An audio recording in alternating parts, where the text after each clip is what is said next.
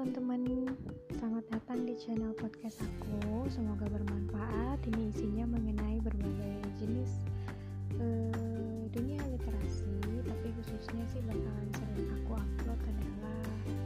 karya-karya aku atau sajak-sajak yang memang menurutku itu bagus untuk didengar,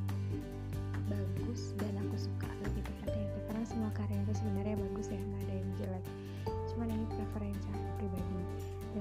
semoga semua